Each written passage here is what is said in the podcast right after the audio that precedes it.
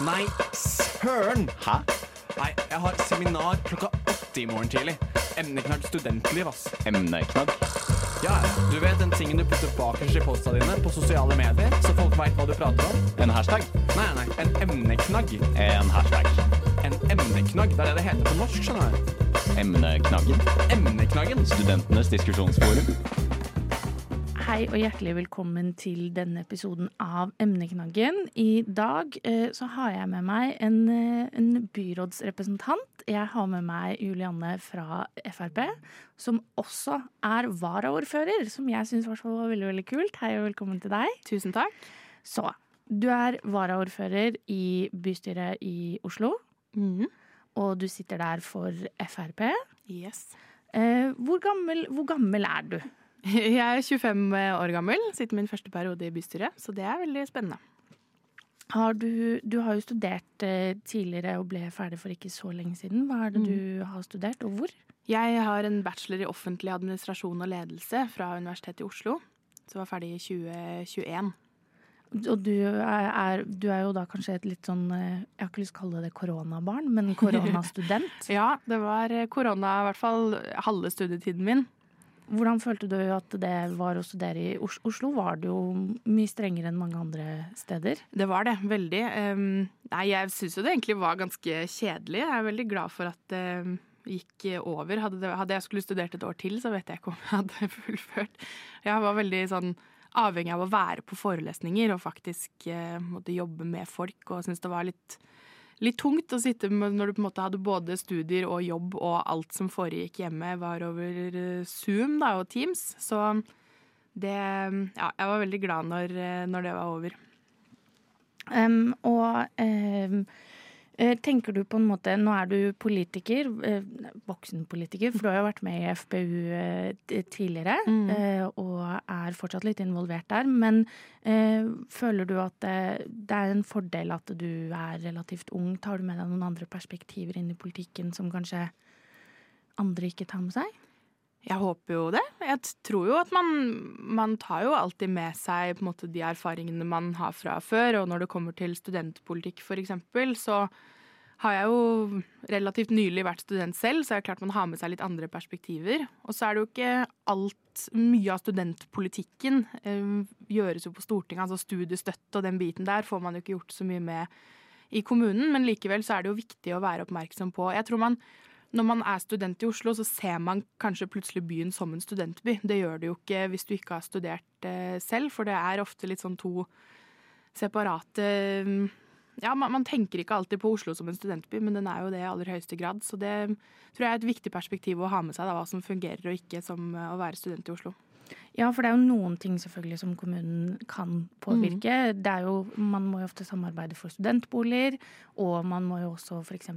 kollektivtilbudet og den type ting. Det er jo også noe kommunen gjør, men jeg forstår hva du mener med at det er på en måte to, eh, to forskjellige eh, sektorer der, rett og slett. Ja, jeg, jeg tror man ofte, når man tenker på studentpolitikk, så tenker man jo ofte på den biten med studiestøtte og den biten der. Men, men det som kanskje, og det er selvfølgelig veldig viktig, men det er jo kommunen som kanskje har ansvar for det som du sier som er aller sånn nærest og viktigst i hverdagen. da, Kollektivtilbud og bolig og, og den biten. Så det er absolutt veldig mye kommunen kan gjøre. Det er bare at da er det ikke alltid tiltak som bare er retta mot studenter. Det er ofte flere som får fordeler av at man f.eks. utbedrer kollektivtilbudet. da. Ja, det er flere, absolutt flere som eh, drar eh, nytte av det. Men for å gå litt tilbake til eh, Hvorfor meldte du deg inn i eh, FPU til den tid, da? Altså, hva var det som var sånn Nå skal jeg melde meg inn i politikken, nå skal jeg ta et aktivt, eh, aktivt steg inn. For det er jo mange som er politisk aktive og diskuterer politikk uten å være sånn Nå melder jeg meg inn i et parti, og jeg står for dette. Mm. Jeg meldte meg inn i 2017, vel. Og jeg, egentlig, jeg kommer ikke fra noen sånn spesielt in politisk interessert familie, men jeg har liksom vokst opp med å spise middag og se på Dagsrevyen. Da og tror jeg bare plukka opp mye derfra. Og så var det kanskje spesielt eh, når jeg så Siv Jensen i debatt, som eh, inspirerte meg veldig. Hun var en veldig tøff dame som ikke lot seg tråkke på, og som sto for det hun mente. Og det syns jeg var veldig kult. Og hun, hun snakket på en måte som appellerte veldig til meg, da. Og så har jeg jo lenge vært eh, opptatt av eldreomsorg, som kanskje er min eh, hjertesak. Og det var egentlig bare Frp som jeg opplevde faktisk prioriterte eldreomsorg. Da. Alle er jo, I valgkamp så er jo alle enige om at det er viktig, men det var for meg bare Fremskrittspartiet som hadde troverdighet på å faktisk gjøre noe når man sitter i en posisjon der man har mulighet til å være med å påvirke. Og det inspirerte meg veldig. Fordi at det som i hvert fall jeg tenker er interessant, som har fulgt mye med på politikk gjennom livet mitt, og også nå de siste årene mye på studentpolitikk, er jo at mm. studenter og yngre folk 18 til 25 og eldre eldreomsorg blir ofte tatt litt sånn mot hverandre. At hvis mm. vi prioriterer den ene tingen, så kan vi ikke prioritere den, den andre tingen. Mm. Og det har kommet nye tall fra OECD hvor de da sier at fattigdom eh, har eh, snudd i den forstand fra 80-tallet frem til eh, Jeg tror det, tallene var fra 2021. Og der har det jo gått fra at det er 18 til 25, som er på en måte det er en alder hvor veldig mange studerer. Mm. Eh, ofte man tenker på sånn det er studenter. Det er en mm. målgruppe som er studenter. Og da var 8,8 eh, eh, fattige i mm. den forstand. Og så var det Det er jo da de over 75, som ikke nødvendigvis er en del av eldreomsorgen. Det var 35 mm. Og så har det da snudd til nå, hvor det er 26% mellom 18 og 25 og 5,4 eh, på over 75. Så hvorfor skal vi da fortsette i gåstegn å prioritere eldre og eldreomsorg, og ikke flytte det over på studenter man, eller yngre folk når man ser, eh, ser, den endringen? Ja, jeg tror man må skille litt mellom måte, økonomi da, og, og, eldreomsorg. For i Norge så er jo det å motta tjenester f.eks. fra kommunen hvis du havner på sykehjem, eksempel, det er jo noe man Altså man betaler jo en pris for det selv, det er jo en kostnad som tas av inntekten din, men, men, det er jo ikke sånn at har du god råd, så kan du betale deg inn et sted. Har du dårlig råd, så får du ikke en sykehjemsplass. Sånn at det er litt sånn uavhengig av økonomi, da. Og vi har jo ganske gode pensjonsordninger i Norge, kanskje med mindre man er minstepensjonist. Da har man jo mye lavere inntekt enn EUs fattigdomsgrense, og det har man jo for så vidt også som student. Så jeg tror at eh, jeg skulle ønske man ikke ikke hele tiden drev og satte det opp mot hverandre. Da. Jeg tenker jo at det er absolutt i samfunnets interesse at man har studenter som studerer og opparbeider seg kompetanse som samfunnet vil ha bruk for senere. Og så mener jeg på den andre siden at det er veldig viktig at vi også tar vare på de som faktisk har vært med å, å bygge Norge til det det er i dag. Da. Og jeg tror at um, Jeg blir i hvert fall veldig ofte møtt med du som er så ung, hvorfor er du opptatt av eldreomsorg?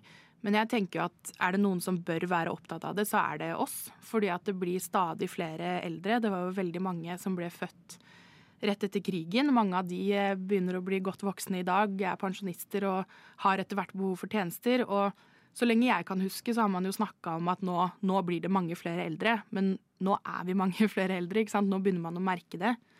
Og det er jo vi som er unge i dag, som kommer til å vokse opp i et Norge der man har en stadig økende andel eldre som har behov for tjenester eh, som skal utføres av en stadig mindre andel eh, eh, unge i yrkesaktiv alder. Da. Sånn at jeg tror at det er nå vi virkelig må sette inn støtet hvis vi skal unngå å havne i en skikkelig kjip situasjon senere, hvor man ser at man har veldig mange som har behov for omsorgstjenester som rett og slett ikke får det. Og det er det jo vi som vokser opp i dag som må ta konsekvensen av. Eh, for har, har, du ett sånn Nå gir jeg deg en eh, en magisk stav, og du får lov å gjennomføre liksom ett ønske i eldreomsorgen. Hva, hva, gjør du da? I Oslo? I Oslo, ja. Jeg tenker jo at det aller, aller viktigste, det er jo å få flere sykehjemsplasser. Altså at vi, har, vi har bygger opp en kapasitet som eh, møter det behovet vi har. Og innenfor det så har jeg jo en liten hjertesak. Det er jo for så vidt også veldig studentrelevant, fordi vi har stor mangel på studentboliger i Oslo. Og det er å bygge Altså tenke litt nytt da, rundt hvordan vi bygger fremtidens omsorgstjenester. Og f.eks. bygge kombinerte student- og omsorgsboliger.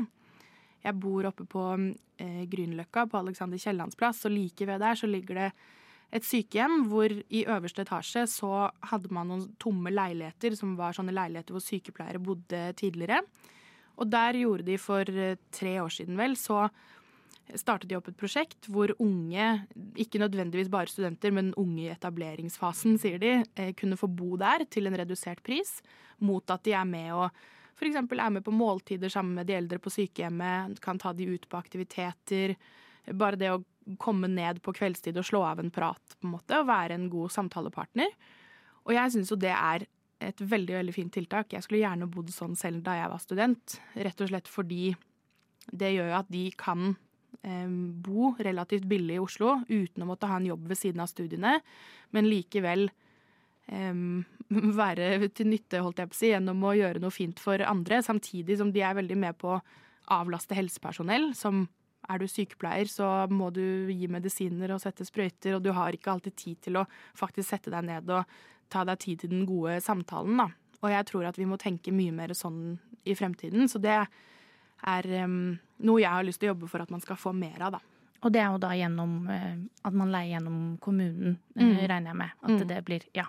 Så det blir jo fortsatt offentlig i den forstand at det ikke er en privat eh, Bare for å forstå det riktig. Ja, Ja. På, på Paulus så tror jeg det er sykehjemmet selv som på en måte har fått lov av kommunen til å teste ut dette.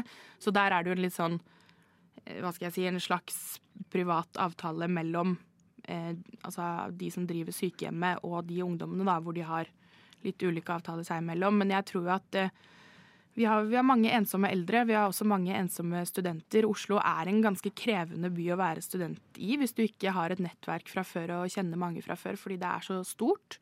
Så mm, jeg håper at man kan få til flere sånne løsninger, og da tror jeg kommunen må gå foran. Emneknaggen hver onsdag på Radio Nova.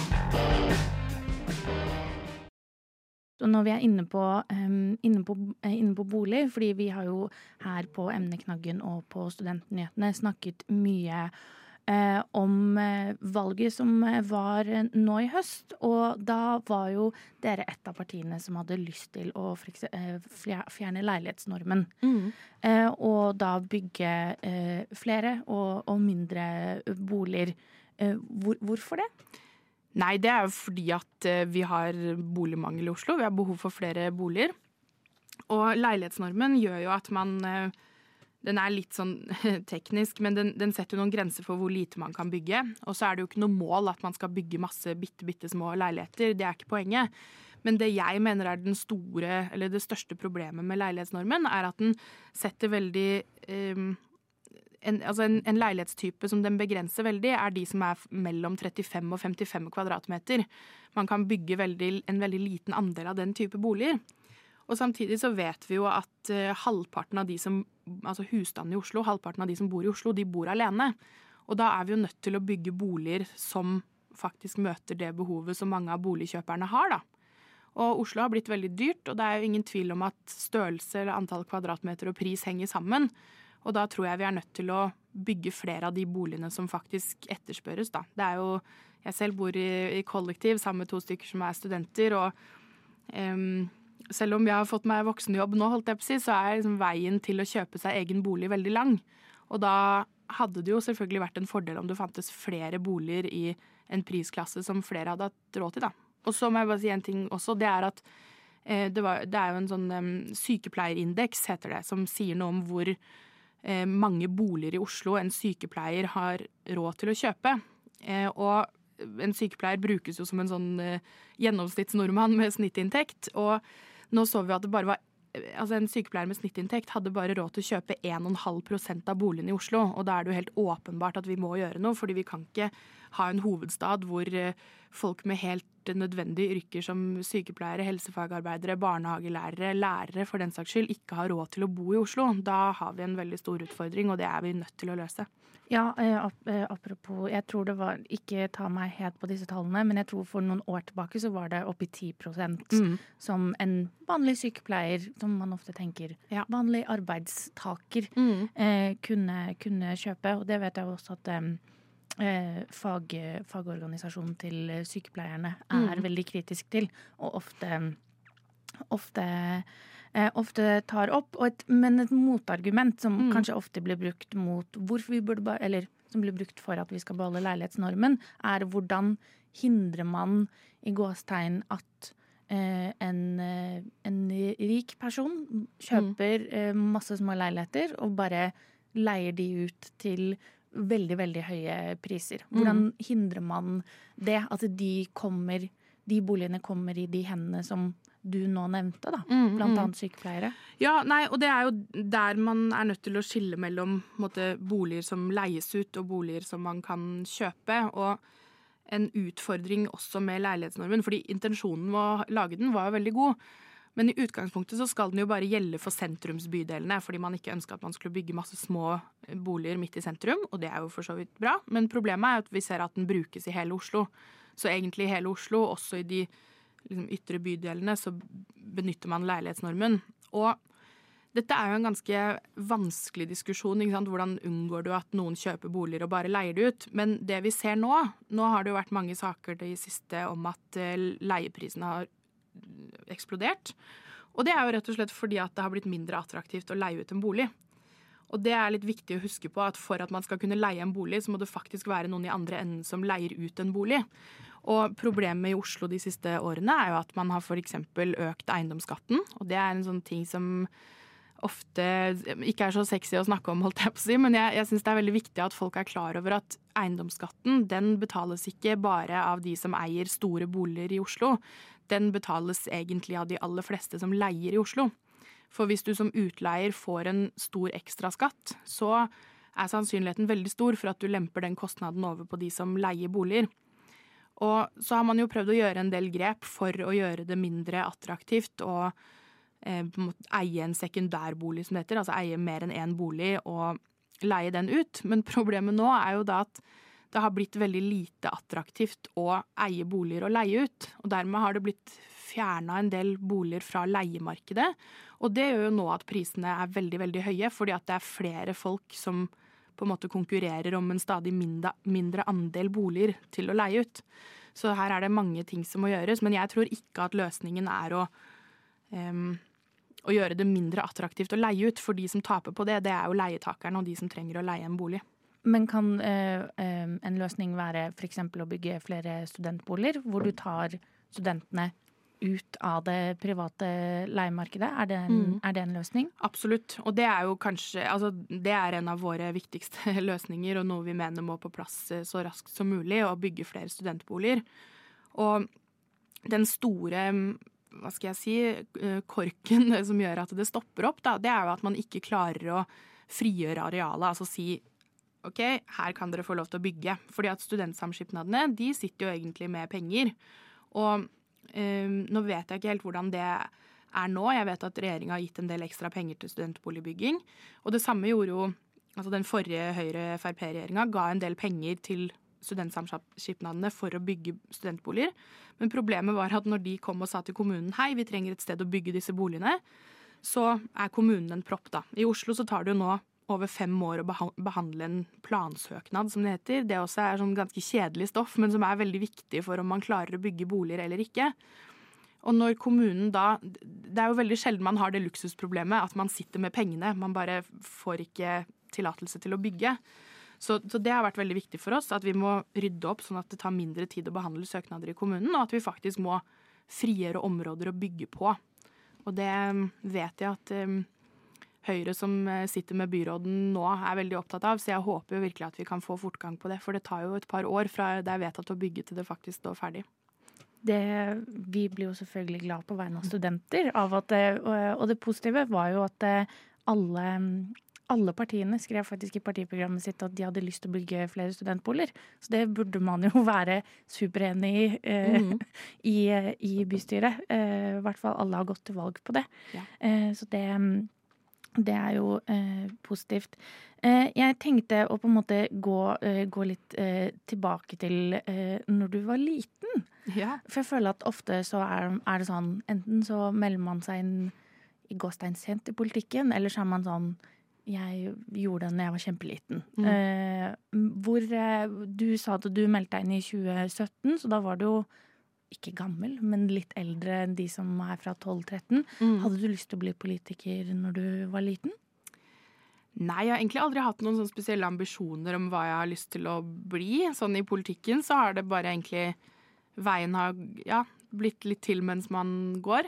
Jeg husker da jeg meldte meg inn, så så jeg en skoledebatt på Da gikk jeg på um, Ski videregående og så en skoledebatt og var veldig interessert i å melde meg inn, men jeg liksom tenkte ganske raskt at å ta skoledebatter, det er ikke noe for meg. Jeg skulle kunne drive med litt sånn praktiske, organisatoriske ting. og men så ble jeg lurt med på en sånn debattskolering, og da innså jeg jo Jeg, er jo, jeg har veldig lite konkurranseinstinkt når det sånn spiller fotball i gymmen og sånn. Jeg kunne ikke brydd meg mindre om å vinne de kampene. Men eh, da merka jeg det at å sitte i debatt, da plutselig kom det et konkurranseinstinkt frem som jeg ikke helt visste at jeg hadde, og det var veldig, veldig gøy. Så jeg har jo utfordra meg selv litt underveis, da, og så har jeg skjønt at eh, OK, dette syns jeg er veldig spennende å drive med. og og kanskje spesielt nå å få den muligheten vi har i Oslo til å faktisk ha en hånd med på rattet og påvirke politikk. da. Ikke bare sitte i opposisjon og, og um, prøve å få gjennom noe som man aldri får flertall for, men faktisk se at det er mulig å være med å, forandre. Da. Det syns jeg er veldig spennende. Men det har aldri vært noe ambisjon for meg å bli politiker. Det er, men det er jo veldig veldig kult å få lov til å ha det som fulltidsjobb, det som har vært hobbyen din i en del år. da. Ja, og jeg syns jo det er veldig kult at uh, du er kvinne, og at du er ung, og liksom Jeg syns det er veldig Og at du er varaordfører. Jeg eh, har sagt det til flere, og da har det vært sånn det er, ganske, det, er ganske, det er ganske, kult.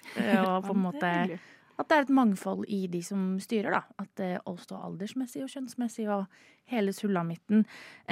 og skoledebatter er jo Noen ganger skulle jeg kanskje ønske at voksenpolitikere var på, for det er jo veldig underholdende, i hvert fall for også som er politikk-nerds, å sitte mm. og følge med, med på. Eh, og, så for et eh, helt annet spørsmål. Vi i Studentnyhetene og Emneknaggen vi snakker jo selvfølgelig veldig mye om Sandra Borch.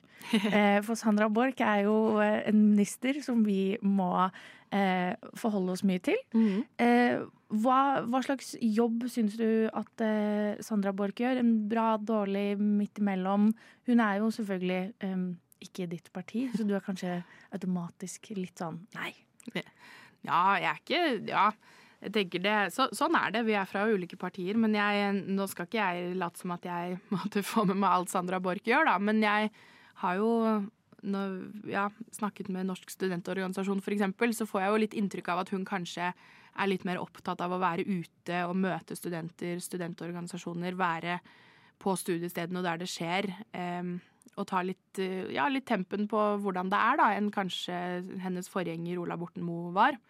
Og så er det jo ikke sånn at jeg er enig med Sandra Borch i alt. Det, det, er vel egentlig mer vi er uenige i, tror jeg. Men jeg, jeg syns hun er veldig synes det er veldig kult med politikere som tør å stå for noe, og som ikke er redd for å stå i stormen, da. Som ikke bare hele tiden er opptatt av å på en måte please sitt eget felt, men faktisk tør å stille litt, eh, litt kritiske spørsmål og, og grave litt i i, i, ting som man kanskje Som bare er sånn som de er fordi de har vært sånn alltid, da. Og det er ikke nødvendigvis et godt argument for å la det fortsette å være sånn.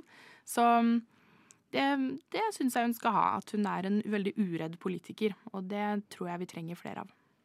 Eh, det er jo spennende, spennende, å høre. Og hun, jo, hun, tok jo også over etter en eh, ganske upopulær eh, forskning- og høyere utdanningsminister som var persona non grata på de største universitetene. Mm. Altså, hun, hadde, hun, hadde, nok en litt oppoverbakke å gå, men uh, var, kan, var, kanskje godt med noe nytt, uh, noe nytt blod inn. Tusen hjertelig takk for at du kunne eh, komme, eh, Julianne. Og jeg, mitt navn det er Sigrun, og med meg på teknikk så har jeg hatt med meg eh, Madeleine.